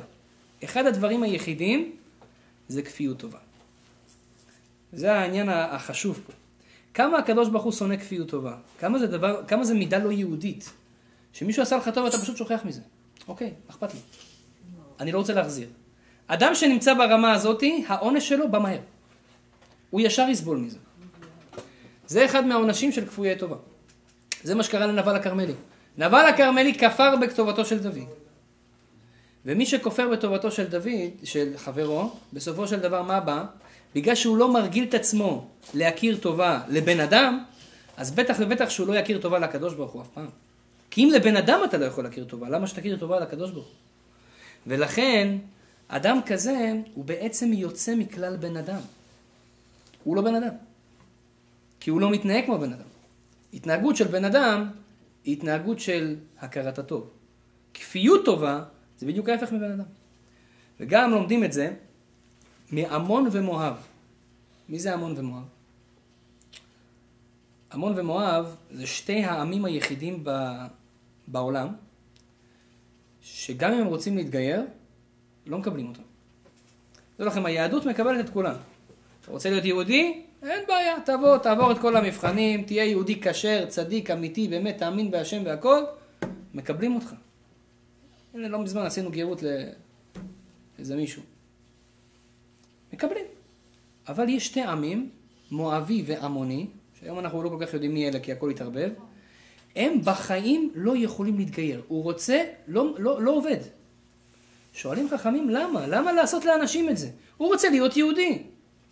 הוא אומר, העמים האלה יש להם בעיה אחת שבגללם הם לא יכולים להיות uh, יהודים. מה הבעיה? הם כפויי טובה. איך אני יודע שהם כפויי טובה? עמון ומואב, מי הם היו? לוט, הוא היה בסדום. אברהם הציל את לוט מסדום. אמרו לו, אל תסתכל אחורה, אשתו הסתכלה אחורה, נהייתה מלח. כן? ראיתם את הפסל שלו שם בים המלח? עד היום יש פסל של אישה ממלח, ענק. אז לוט, איך אומרים? אז זה, זה הפכה למלח. בים המלח שם היה סדום, סדום זה היה ים המלח, דרך אגב. אז uh, בגלל זה זה נהיה המקום הכי מת בעולם. אין ים כזה בעולם, תדעו לכם. שאין שם דגים גם. אין שם כלום, אין שם חיידקים. כן. אז זה, ים המלח היה סדום. תראו מה קורה לאנשים שהם לא, לא בסדר. אז זה, הוא ברח משם. אברהם הוציא אותו. אברהם הציל אותו, התפלל עליו, לקח אותו, אמר לו, תלך. הוא והבנות שלו. הם היו שם במערה, הבנות אמרו, תשמע, הם חשבו שהקדוש ברוך הוא אה, הרס את העולם, כי הם חשבו, הם ראו מה שקרה שם, חשבו שכל העולם נחרב ורק הם ניצלו. אמרו, מה, צריך לעשות ילדים? איך, מה זה זה? השקו את אבא שלהם יין, בקיצור, יצאו שתי ילדים. איך? קראו להם עמון, כאילו עמון, עם שלי, ומואב, מאב, מאבא. שתי העמים האלה, בסדר, יצאו. עמים קצת עקומים, אבל עמים. ויצאו, וברוך השם, איכשהו חיו, נהיו עמים גדולים, חיו קרוב בארץ ישראל. ויום אחד מגיע, עם ישראל צריכים להיכנס לארץ, מיהושע וזה. באים אליהם, אומרים להם, חבר'ה, תנו לנו לעבור בארץ שלכם. תביאו קצת, תכבדו אותנו. סך הכל, בזכותנו אתם קיימים, אברהם, אבא שלנו הציל אתכם, עשה אתכם פה בכלל. אתם כולכם יודעים את ההיסטוריה מאיפה באתם. הם אומרים להם, חבר'ה, אתם לא עוברים פה, לא נותנים לכם כלום, שום דבר, לא קידמו אותם, לא בלחם, לא במים, שום דבר. אמר הקדוש ברוך הוא, כפויי טובה לא יכולים להיות יהודים, כי זה לא בני אדם. אבל זה רק הגברים שלהם. נכון, רק הגברים שלהם, את צודקת. כי אנשים לא, לא היה להם מילה שם באותו זמן, אז לכן אישה מואביה או עמונית יכולה להתגייר, וזו בעצם רות שהייתה מואבית. אבל אומרים, בגלל הכפיות טובה שהייתה לכם, ולא רק זה שלא נתתם לנו לעבור והבאתם לנו איזושהי מתנה, איזושהי הרגשה טובה, אלא מה הם עשו מואבים? בלק מלך מואב הלך הזכיר בן אדם מכשף הכי גדול בעולם שקוראים לו בלעם כדי שיקלל את עם ישראל. העם שבעצם בזכותו אתם קיימים, אתה הולך משלם כסף לבן אדם שיקלל אותם ויהרוג אותם. איפה הכרת הטוב נשמה? הקדוש ברוך הוא אומר, אנשים כאלה לא יכולים להיות יהודים, אני מצטער. אין להם את הנקודה הכי חשובה בכל נפש יהודית, שזה הכרת הטוב. אז אי אפשר לעשות אותם, גם כשאני רוצה לעשות אותם יהודים, אי אפשר, זה לא עובד. יש להם בגנים כפיות טובה. דרך אגב, יש גמרא מאוד מעניינת, שמדברת על, על האדם שאחרי שהוא נפטר, כתוב שיש תפילה, תפילת שמונה עשרה. תפילת שמונה עשרה יש 19 ברכות. אחד מהברכות נקראת מודים אנחנו לך, נכון? במודים אנחנו לך אנחנו משתחווים. אה, עכשיו, אומרים חכמים, שאם האדם לא היה משתחווה במודים, זאת אומרת, הוא לא היה משתחווה במודים אנחנו לך, לא היה עושה ככה, אז יש לו עונש מאוד חמור. הגמרא אומרת משהו, אני התפלאתי מזה. הגמרא אומרת שכשבן אדם נפטר, אחרי שבע שנים, העמוד שדרה שלו הופך לנחש. של מי? של אנשים שלא היו קוראים במודים, העמוד שדרה שלהם הופך לנחש אחרי שבע שנים. עכשיו? אני לא הבנתי. ראיתי גם אחד הרבנים שואל את השאלה הזאת. מה אוי אוי אוי, אז הבן אדם לא קרא במודים. אז הוא לא עשה ככה. על זה אתם נותנים לו כזה, כזה עונש, וגם, זה עונש רציני, אני אגיד לכם למה. כי בעמוד השדרה, בסוף של עמוד השדרה יש עצם שנקראת עצם הלוז. העצם הזאתי, לא משנה מה תעשה לה, אי אפשר, להרוג, אי אפשר להשמיד אותה. תשרוף אותה, לא תישרף. שבור אותה, לא תישבר. זה עצם שנשארת לנצח. העצם הזאתי, זה העצם שממנה אומר הקדוש ברוך הוא יהיה תחיית המתים. היום ב, ב, בעולם המודרני אנחנו מבינים את זה כי אפשר, אמרתי לכם את זה פעם, מה-DNA אפשר לעשות בן אדם שכפול, כמו שעשו לכבשת דולי. אז הקדוש ברוך הוא ישכפל את האנשים מה, מהעצם הזאת, כי יש שם את כל ה-DNA שלך. וככה המדרש רבה אומר, שבעצם הבן אדם מהעצם הזאת יצוץ מחדש בתחיית המתים. עכשיו, אם עמוד השדרה שלו הופך לנחש, זה אומר שהעצם הלוז הזאת נעלמת, היא הופכת לנחש. אז הוא לא יקום בתחיית המתים. זה עונש ענק. על מה? זה הכל לא עשיתי ככה? זה לא פרופורציונלי. לא מובן. ממש לא מובן. אז מסביר שאין הכוונה מי שלא קורע במודים, אז מקבל את, העונש הזה, שיהיה לעמוד שדרה שלו נחש ולא יקום בתחיית המתים. לא. מה זה לא קורע במודים? מה זה מודים? מה זה הברכה של מודים? מודים אנחנו לך. אדם שהוא לא נכנע ואומר, ריבונו של עולם, אני מכיר בכל מה שאתה עושה איתי. אני מודה על הבית שיש לי, על האישה שיש לי, על החיים שיש לי, על הילדים שיש לי, על הכסף שבכלל יש לי, על זה שאני יכול להכניס אוכל, שאני יכול לטעום, שאני יכול לראות, שאני יכול לשמוע, שאני יכול למשש, שאני יכול להרגיש, שאני יכול לקום בבוקר ולשמוח, שאני יכול לנשום אוויר צח, שאני יכול ללמוד, שאני יכול לעבוד, שאני... כל הדברים שאנחנו עושים. אדם שהוא לא מודה, אין לו הכרת הטוב, זה הדבר הכי גרוע בעולם. לא קם בתחילת המתים. עד כדי כך. שעד כדי כך הדבר, היסוד הזה, הוא היסוד הכי חשוב ביהדות. ומי שאין לו אותו, הוא בבעיה גדולה. עכשיו, מה זה אין לו אותו? אומרים ש... איך אפשר, לה- איך אפשר אה, קודם כל להבין, הרי אנחנו רואים יש אנשים בעולם הזה כפויי טובה. יש אנשים שאתה עושה להם טוב, גם יהודים לצערנו הרב. ולא מחזירים לך. לפעמים אפילו מחזירים לך רע. איך זה עובד? למה אנשים נהיים כפויי טובה? זו השאלה. למה אנחנו, וכל אחד מאיתנו יש לו את הקטע הזה, לפעמים אנחנו לא מכירים במה שבן אדם עשה לנו. אנחנו, איך אומרים, מקטינים את, ה... את מה שהוא עשה לנו. אתם מכירים את זה שלפעמים ה... ה... הגמרא אומרת שקודם כל איך, איך, איך מזהים אה, אם הבן אדם כפוי טובה או לא כפוי טובה? איך מזהים? הוא יגיד, אני, רוצה, אני לא יודע, אני כפוי טובה? או שאני אולי אה, אדם שמכיר טובה? איך אני יכול לדעת על עצמי אם אני כזה או כזה? אז יש גמרא מאוד מעניינת שאומרת שאורח טוב, מה הוא אומר? בוא נגיד, אדם שהוא אורח שהוא טוב, נכנס לבית, אכל אצל מישהו בבית, מה הוא אומר אחרי שהוא היה שם? כל הכבוד לבעל הבית הזה. באמת, תראו כמה עשה בשבילי, כמה טרח, הכין, באמת, עשה הכל בשבילי, כל הכבוד לו. אפילו שהיה עוד אנשים בשולחן. הוא לא היה האורח היחיד.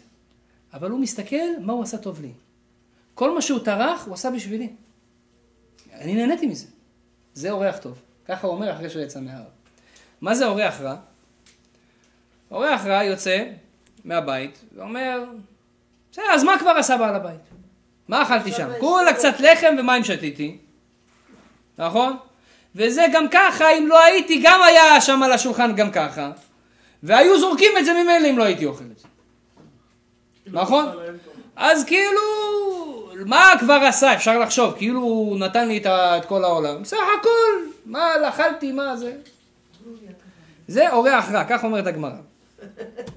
האמת היא, לפעמים אנחנו ככה מתנהגים בבית שלנו. איך בן אדם לפעמים זה, אני אומר את זה לעצמי, איך בן אדם מסתכל על אשתו לפעמים. האישה מכינה אוכל בבית נאמר, כן, אבל יכול להיות גם הפוך. מכינים אוכל בבית. אז בדרך כלל גברים, אומר לכם מה, הוא יושב, והוא חושב לעצמו בראש. בינינו. גם אם אני לא הייתי פה, הייתה מכינה את האוכל. נכון? למה יש ילדים? וגם לעצמה, היא גם צריכה לאכול משהו. גם. אז מה היא כבר עשתה? חזק וברוך, אבל זה א' ב', כאילו. אז מה, אז אני לקחתי איזה כמה, קצת מזה. מה היא כבר עשתה? או שזה עשתה כביסה בבית. אז הוא אומר לעצמו, גם ככה הייתה מפעילה מכונה. נו, אז עוד כמה גרביים וזה שלי, זה לא עשה שם את ה big deal בדיוק. מה כבר עשתה? זה אומרים חכמים, אורח רע. זה תדע לך, אם אתה חושב ככה, אתה כפוי טובה.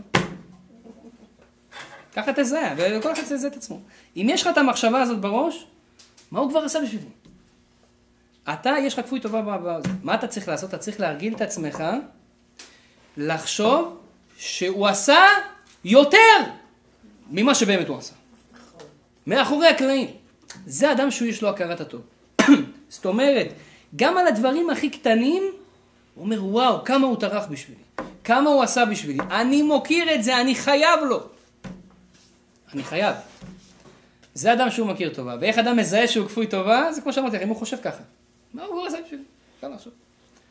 עכשיו, מה קורה? איך אנחנו יכולים לדעת, שאלה כמו שאמרתי מקודם, למה אנשים הם כפויי טובה? למה זה קורה לנו שאנחנו בכלל כפויי טובה? שאנחנו לא, לא יודעים להעריך מה שמישהו אחר עשה לנו. שטוב לנו. הסיבה לזה אומרים חכמים, בגלל שאנחנו מפונקים. או יותר נכון, אנחנו מתרגלים שעושים לנו טוב. אם בן אדם מתרגל שעושים לו טוב, הוא בשלב מסוים מרגיש, אוקיי, אז זה כבר חייבים לי את זה. כאילו, ברגע שעושים לך את זה כל הזמן, נותנים לך, נותנים לך, אז זה כאילו, אוקיי, אז זה חלק מהרוטין של החיים. כאילו, אוי ואבוי אם זה לא יהיה. זה א' ב', זה אתם חייבים, מה זאת אומרת? וככה דרך אגב ילדים מרגישים כלפי ההורים שלהם. אם אבא שלך יום אחד לא ייתן לך אוכל. איזה רע. בינינו, בוא, בוא נאבחן את הנקודה הזאת. זה רע? מי חייב לך משהו בכלל? לך תפרנס את עצמך, אתה גדול, צא מהבית, תעשה זה. על פי ההלכה מגיל 6, אבא לא חייב לפרנס את הילד שלו. אומר לכם את האמת. כן, פעם בגיל 6 אנשים היו חזקים. מה אנחנו בגיל שלוש כבר הלכנו לבד בכביש וזה, שיחקנו פה שם. היום כולם, אה, אה, אה, עד גיל 18 הם בבית, לא חוצים את הכביש, אמא רואי תעזרי לי. פעם לא היה את הדברים האלה, היו יותר מצ'ור, היו יותר... אה, 18? יש ילדים מדהים. כן. אז זה... למה אנחנו כפויי טובה? כי התרגלנו שעושים לנו טוב, אז אנחנו חושבים שזה כבר חובה. מה זאת אומרת? זה, זה, זה, אתם חייבים לעשות לי את זה. אתם חייבים. אני אפילו לא צריך להחזיר לכם על זה, זה כאילו, זה חובה. זה הלכה. אז זה הבעיה. וזה הבעיה, דרך אגב, של כל הדור שלנו. בגלל זה אנחנו כפויי טובה, אנחנו רגילים שנותנים לנו. רגילים שעושים בשבילנו. ובגלל זה לא טוב להנהיג את הילדים שאתה עושה הכל בשבילהם. הילד מלכלך את הבית, האמא, אין לה כוח עכשיו להילחם איתו. אז היא מסדרת כבר, נו, בסדר. לא לוותר. לא אמרתי שעכשיו צריך להעביד אותו פרעה עם שוט וזה, תסדר את הכל. לפעמים צריך גם לוותר לילד, אבל לא לעשות לו את החיים כל כך קלים, כי אז הוא יהיה כפוי טובה. הוא יחשוב שזה... ככה צריך להיות. כן, זה כמו, מזכיר לי, היה סיפור עם ה... עם ה... סיפור מאוד מוסרי, סיפור אמיתי. שהיה איזה ילד אחד שרצה לנסוע לחו"ל. אתם יודעים, הישראלים יש להם אופנה. תאילנד, אחרי הצבא, כל החברים שלי גם. הלכו, שאלתי אותו, מה, היה שם? אה, אל תשאל. נו, מה עשית? סיפר לי מה עשה. אמרתי, נו, מה, נהנית מזה? כל היום. כן. באמת סתם. אבל הולכים, מחפשים את עצמם, אומר לך, תשמע אחי, מה, לא יודע, מחפש את עצמי. אולי אני נאבדתי בתאילנד, אולי בהודו נאבדתי, אני לא יודע איפה נאבדתי. אולי נאבדתי בקנדה. אז האמת היא, יש לזה גם סיבה רוחנית, למה? כי באמת. יש להם חלקים של הנשמה שלהם שנמצאים בכל מיני מקומות בעולם, הם צריכים לעשות שם מצוות. אז הוא הגיע לתאילנד, פתאום פגש איזה חב"דניק, אמר לו, בוא תניח תפילין, אחי. אמר לו, הלאה. עד לתאילנד היה צריך לנסוע בשביל להניח תפילין. תראה מה זה. אז בארץ לא יכול להניח תפילין. אבל כן, לפעמים זה ככה זה עובד. זה עובד. ברוך השם, הם שם מתחזקים. אז זה, הוא נסע לאנשהו, הילד רוצה לעשות טיול בעולם. אומר לו, אבא, אני נוסע וזה, אבל אני צריך שתעזור לי. אז אתה יכול לעזור לי וזה, תשלח לי כסף כדי שאני אסתדר, עד שאני אקום על הרגליים, אני רוצה ליהנות, אני רוצה לראות את העולם. אבא, מה יגיד לו? אבא אוהב את הילד שלו. אומר לו, בסדר, אבא יש לו קצת כסף. אומר לו, בסדר, אני אשלח לך כל חודש, מה שאני יכול לתת לך, אני אעזור לך, אבל יש לי תנאי. אבא אומר להם, אתה רואה, יש פה תפילין, קח את זה איתך. ותניח אותם כל יום. תניח אותם כל יום. ואם אתה תניח אותם כל יום, אני, איך אומרים? אני אחר כך אתן לך את הכסף. הוא אומר, אבל תניח. אומר, אבא, מה זה נניח? כל יום אני אניח. גם בשבת אני אניח. כל יום. טוב, לא, שבת לא צריך, אבל תניח. אוקיי, ואחרי שבוע, שבועיים, הילד מתקשר, לא, לא קיבלתי שום אה, צ'קים, מתעניין. אבא, מה העניינים? מה, איך אתם מרגישים וזה, הכל טוב? אתה יודע איך זה, בהתחלה אתה שואל אותו איך הוא מרגיש. ונו, מה, תשמע, אתה אולי שלחת, אולי זה לא הגיע. הוא אומר לו, מה, אתה מניח תפילין? כן, אתה מניח תפילין? הוא אומר ודאי, אבא, מה זאת אומרת? אני מהמחמירים של המחמירים. אני שם מסדר אותם על הראש שלא יזוזו. טוב? אז זה, הכסף בדרך, הכסף בדרך. עובר עוד כמה ימים. ששאל אותו, נו, אבא, אתה שולח, כן, זה בדרך, אבל אתה בטוח שאתה מניח תפילין? הוא אומר מניח, זה מניח, אבא, אתה לא מאמין לי? אתה רוצה לשים אותך בסקייפ שאני מניח? לא, זה בסדר. בקיצור, אחרי עוד שבוע מתקשר, אומר לו, אבא, זה כבר לא עניין, אני חשבתי שמילה שלך זה מילה, האבות של היום זה לא האבות של פעם. אומר לו, בן שלי, אתה מניח תפילין? אומר לך, אמרתי לך שאני מניח. אומר לו, אם אתה היית מניח, המעטפה נמצאת בתוך השקית של התפילין, יש שם. אז זה, השם יעזור לנו. אז אתה רואה שלפעמים ילדים מפונקים, רגילים שנותנים להם. וברגע שאתה נותן לבן אדם יותר מדי, אתה נותן לו ונותן לו ונותן לו, אז הוא מרגיש שחייבים לי. כי הוא התרגל לקבל. וזה בעצם השיעור שלנו, להבין מה זה המהות של תורה ויהדות בעולם בכלל, ובשביל מה הגענו לפה. הקדוש ברוך הוא ברא אותנו בעולם הזה עם הרצון לקבל. וההוכחה לזה, תראו תינוק. כשהוא נולד, נתן לכם משהו התינוק? הוא נותן משהו? לא נותן כלום. אולי פעם ב... בגיל שלוש חודשים נותן לך חיוך אחד כזה, ואז הוא סוגר אותו. תודה רבה שנתת את החיוך, תודה, איך שמחים, עושים מסיבה עם הולדת. נכון? הוא נתן חיוך. עבדו בפרך, קמו בלילה, שלוש פעמים, נתנו לו אוכל, הוציאו עליו כסף, החליפו לו טיטולים, הריחו ריח לא נעים, סליחה מכבודכם בשביל החיוך הזה. כמה השקיעו בו, מה, הוא נותן לך משהו? לא. הוא רק מקבל, תביא לי, תביא לי, תביא לי, רק יונק, יונק, יונק, יונק. זה, ככה נולדנו רבותיי. נולדנו, הקדוש ברוך הוא ברא אותך עם הרצון לקחת מכולם הכל בשבילי נברא עולם. והקדוש ברוך הוא אומר לך, אבל תשמע, אני לא רוצה שאתה תישאר ככה.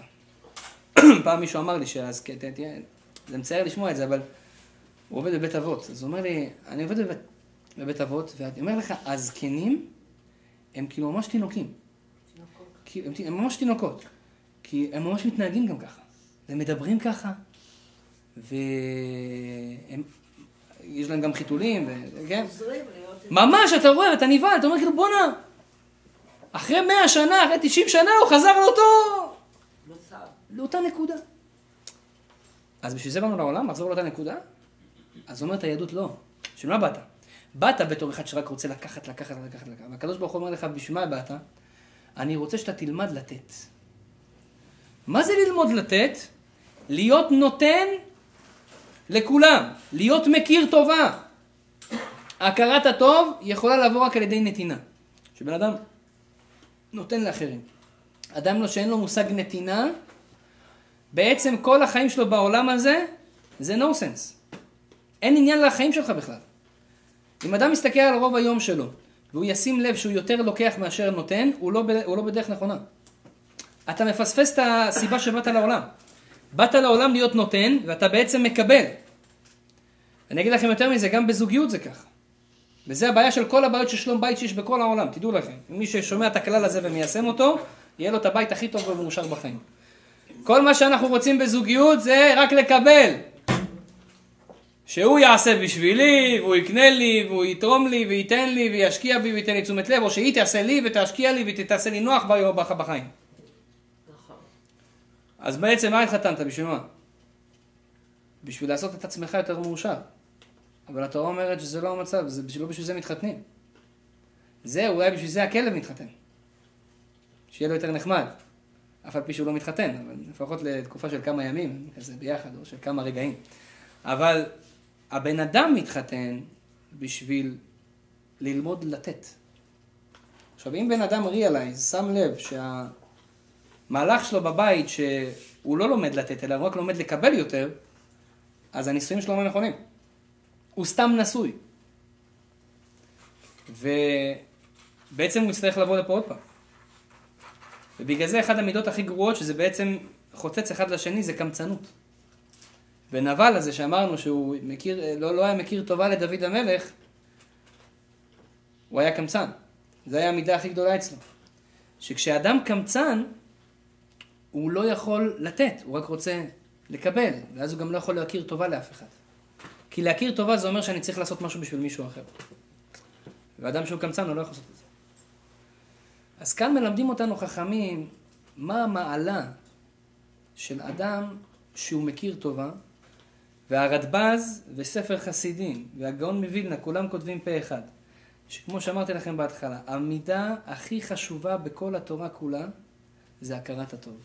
והמידה הכי גרועה בכל התורה כולה זה להיות כפוי טובה.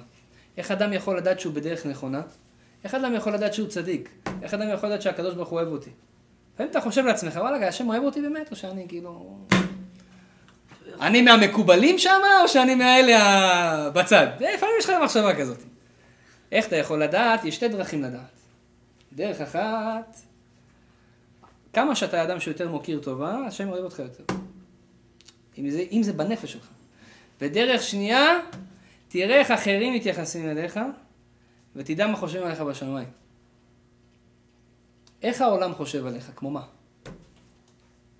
איזה מעצבן אחד, וואלה, כן לי כוח עכשיו אליו, באמת, חפרן זה, חבל הזמן. או, וואו, אני רק רוצה להיות איתו כל הזמן. איזה בן אדם טוב זה, כמה הוא משפיע, כמה הוא נותן, כמה הוא... אה, אה, אין, כיף איתו פשוט. אז זה, מה שחושבים עליך, סובבים אותך, זה מעין קצת, ככה נותן לך, איך אומרים, על קצה המזלג, מה חושבים עליך בשמיים, נותן לך רמז. וככה גם אתה יודע לדעת אם אתה צריך להתחזק יותר או לא.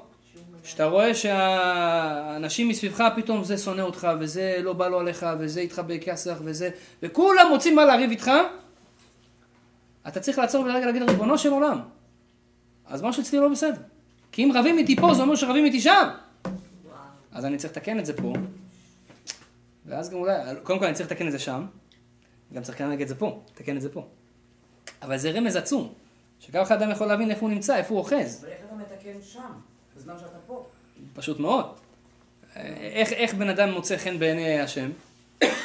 עושה את רצון השם. תן לי דוגמה, אישה שרוצה למצוא חן בעיני בעלה, מה היא צריכה לעשות בשביל למצוא חן בעיני בעלה? להיות טובה אליו. לכבד את בעלה, נכון? מה זה לכבד? הגמרא אומרת, רצונו זהו כבודו. של כל בן אדם. אני רוצה לכבד מישהו, זאת אומרת, תעשה מה שהוא רוצה. אל תעשה מה שאתה חושב שהוא רוצה. תעשה מה שהוא באמת רוצה.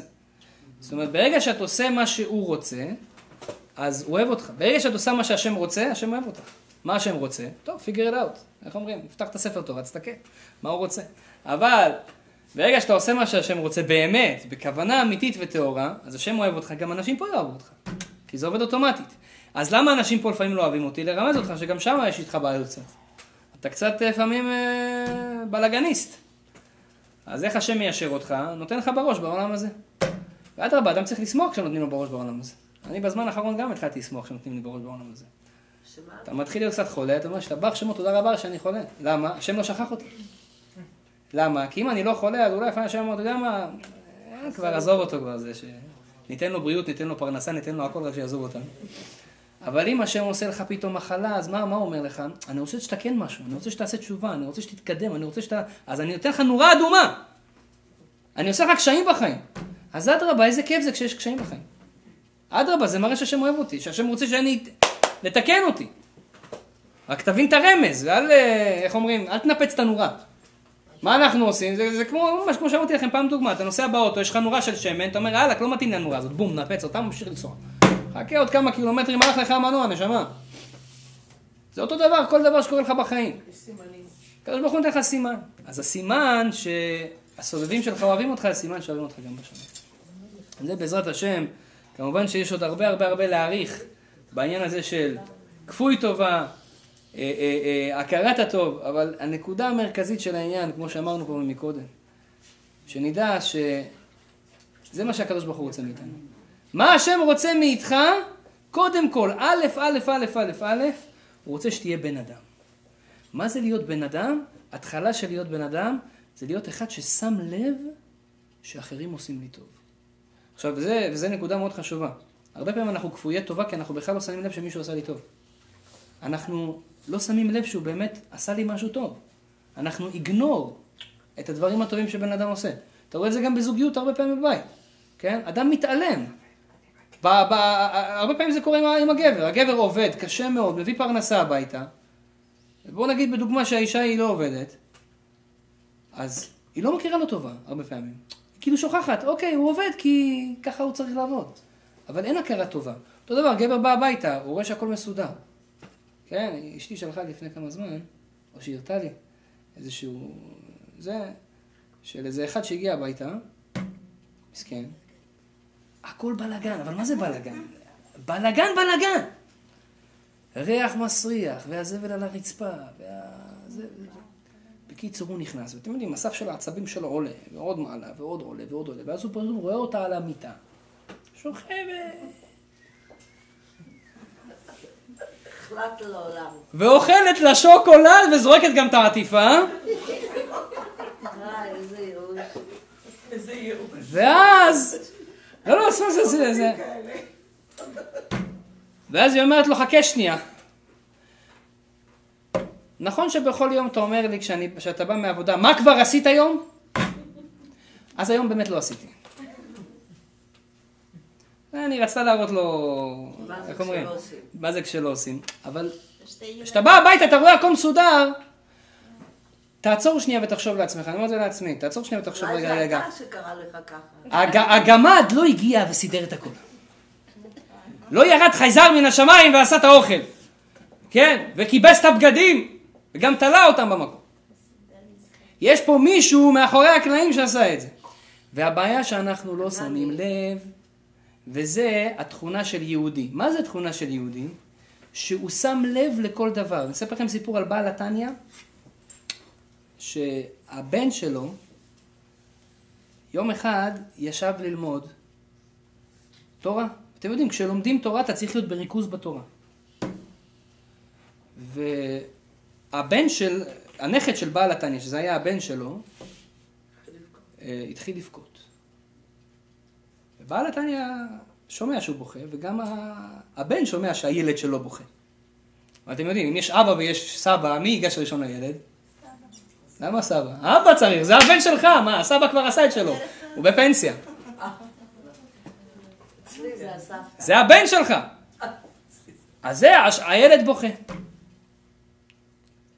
ואז בעל התניא, רבי שניאור זלמן, הלך ולקח את הנכד והביא אותו לבן.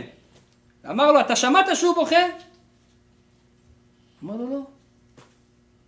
אז לכאורה, מה היינו אומרים? פשש, איך כל כך דבוק בתורה, שאפילו לא שמעת ילד בוכה. הוא צעק עליו, אמר לו, מה זה? אדם שלא שומע את התינוק שלו בוכה, התורה שלו זה לא תורה. איפה דרך אלה, איפה אנושיות? זה מעל הכל. תינוק בוכה, זה מעל הכל. זאת אומרת, יותר ממה שאתה... אנחנו חושבים, אדם שלומד תורה, אדם זה צדיק. מה זה צדיק וקדוש? זה אדם ששם פרט לב לכל הדברים הקטנים, לרגשות שיש לכל בן אדם ובן אדם. לא להעליב אותו חס ושלום. לא להגיד איזה מילה, אפילו שזה הכי רחוק, שזה יכול לפגוע בו. זה צדיק. מה זה צדיק? שיודע לרדת לפרטים הקטנים. צדיק שיודע להעריך את הפרטים הקטנים. הוא נכנס לבית, הוא רואה בדיוק מה עשו, ויודע להוקיר טובה על כל דבר שעשו. הוא שם לב, הוא מסתכל, הוא, איך אומרים, יש לו ראייה רחבה. וזה בעצם העבודת חיים שלנו. להיות יהודים, הכוונה לפתוח את העיניים, לשים לב לכל הדברים הקטנים שקורים, איפה אנשים עושים טוב לנו, ולדעת להחזיר להם טובה, אבל לא סתם טובה. הצדיק האמיתי צריך להחזיר לבן אדם שעשה לו טובה יותר ממה שהוא עשה לך. על פי היהדות, אדם עשה לך משהו הכי קטן בעולם, תחזיר לו יותר ממה שהוא עשה לך. זה יהודי צדיק אמיתי. וזה שאיפה, וזה, איך אומרים, המקום שכל אחד מאיתנו צריך לשאוף אליו. שכל מי שעשה לי משהו בחיים, אפילו זה השולחן, אפילו זה הכלב, אפילו זה השור והחמור והחבר שלי, או המוסלמי, או כל בן אדם אחר בעולם, לא משנה, גזע, דת, לאום או מין, אני גם יוקיר לו טובה, ואז בעצם הצלם אלוקים שלי יצא מתוכי. האלוקות שיש בכל אחד מאיתנו, הוא יוצא כשאתה עושה הכרת הטוב. כי זה בעצם המידה של הקדוש ברוך הוא, וכשאתה עושה את המידה של הקדוש ברוך הוא, אתה נהיה בעצם כמו הקדוש ברוך הוא, מקושר לקדוש ברוך הוא. יהי רצון שכולנו נזכה, אני ואתם ביחד, להתקדם, לעבוד על המידות ולהגיע לנקודה הזאת של הכרת הטוב, לא פחות ממשה רבנו, אמן ואמן. תודה רבה ל... תכף יהיה שאלות, תודה רבה למי שארגן את הזה, לאורי על המקום, חזק וברוך, לכל המשתתפים, לחביב, חביבי, שמעלה את זה ליוטיוב, אשרה ואשרי חלקו.